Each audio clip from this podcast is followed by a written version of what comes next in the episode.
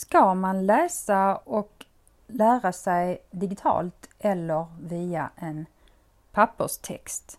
Ja, meningarna går isär och det är en ganska het potatis detta.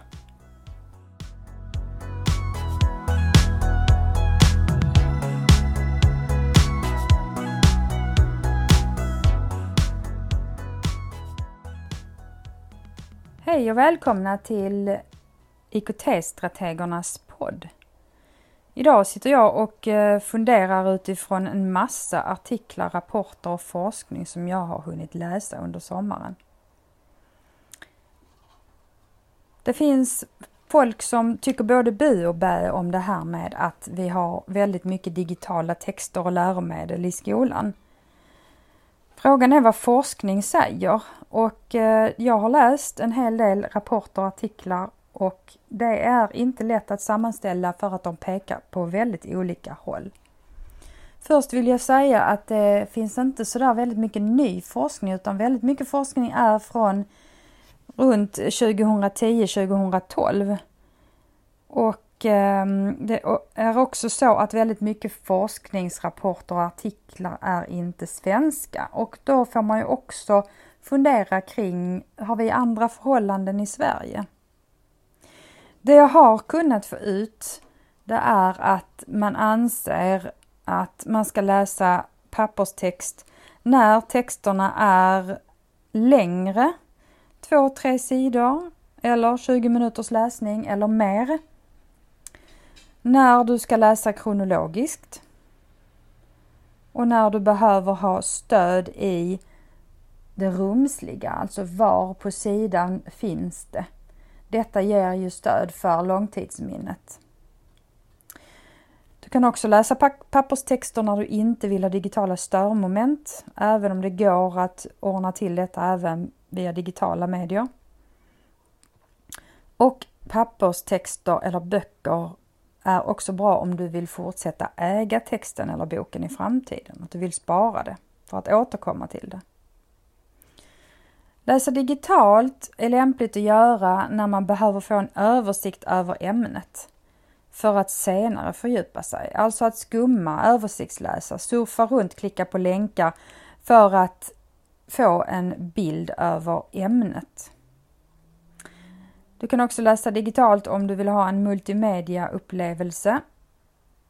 Om du vill alltså läsa med bild och video och animeringar då ska man tänka på att det finns elever som kanske har ett behov av att det inte finns några bilder som stör läsningen.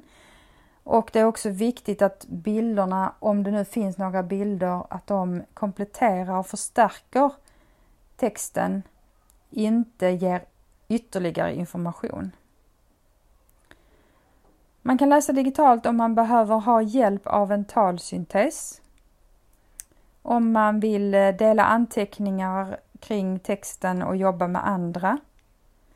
Om man vill kunna söka i texten, om man vill kunna översätta den eller hitta förklaringar på ord. Om man vill ha uppdaterade texter, papperstexter kan ju bli gamla mycket snabbare och lättare. Att eh, kunna interagera med textförfattaren. Och som jag tidigare nämnt så går det att ta bort störmoment genom att till exempel stänga ner eh, wifi så att man laddar ner det offline. Och man kan ju ta bort bilder för dyslektiker. Man kan använda läslinjal eller headlight för att följa med i texten när man läser. Men det är också viktigt när man läser digitalt att läraren visa på hur man läser digitalt. För det är inte bara att sätta sig utan man behöver förstå hur webbsidor är uppbyggda, hur länkar klickas vidare och ehm, strukturen för det digitala läsandet. Jag hittade en rapport eh, som heter SOU 2012 10 som heter Läsarnas marknad, marknadens läsare, en forskningsantologi. Där finns en, eh, en artikel i den rapporten där de pratar om PISA-resultaten. Det står så här, citerar jag. Bland de svenska elever som deltog i PISAs huvudundersökning 2009 valde slumpmässigt 1921 elever från 179 skolor ut att göra ett digitalt lästest. Dessa elever hade ett högre medelvärde på det digitala lästestet än det som gjordes på papper. Deras resultat var också högre än OECDs medelvärde på det digitala lästestet. De svenska elevernas läsförmåga förefaller alltså vara bättre digitalt än traditionellt på papper. Att så är fallet är kanske inte så märkligt eftersom fler elever oftare läser på nätet än på papper. Ytterligare ett intressant resultat från det digitala lästestet var att skillnaden mellan flickors och pojkars medelvärde var mindre på detta test än på det traditionella lästestet på papper. På det traditionella lästestet var skillnaden 46 poäng medan skillnaden på det digitala lästestet var 26 poäng.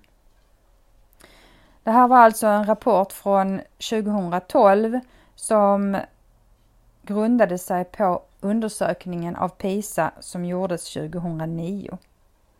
Det här är ju då svenska förhållanden som visar på att de svenska elevernas läsförmåga är bättre. Det, då tänker jag att hur ska man då förhålla sig till alla de forskningsrapporter som är gjorda utomlands som visar på andra resultat? Det här är alltså inte lätt att komma fram till. Ska de läsa pappersform och böcker eller ska de läsa digitalt? Jag tänker att i dagens samhälle så kan man inte undvika digitala texter och vi behöver förbereda eleverna för framtiden. Och då behöver skolan lära eleverna hur man läser digitala texter i kombination med att jobba med de papperstexter som man bearbetar på olika vis. Så beroende på vilken text och vad syftet är så får man välja om eleverna ska läsa digitalt eller i pappersform. Det finns också för den som är intresserad av att titta mer en serie på SVT Play som heter Vår, Vår digitala planet. Där man kan i del 3, 37 minuter in, titta på och lyssna på Siri Helle och Anders Hansson som pratar lite grann om läsning och digitala läromedel.